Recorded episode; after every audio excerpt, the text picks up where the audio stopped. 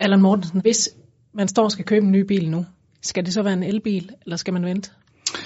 Øh, det afhænger af kørselsmønster i særdeleshed. Øh, kører man rigtig mange kilometer, øh, så kan det sagtens gå også med en elbil, men så skal man være villig til at ændre adfærd øh, kraftigt.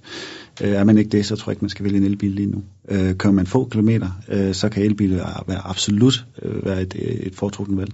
Overvej elbil, måske hvis du er sådan lidt nervøs for det, så tag en hybrid som en overgangsfase, og så, øh, og så se om 3-4 år, hvordan teknologi og hvor vi er.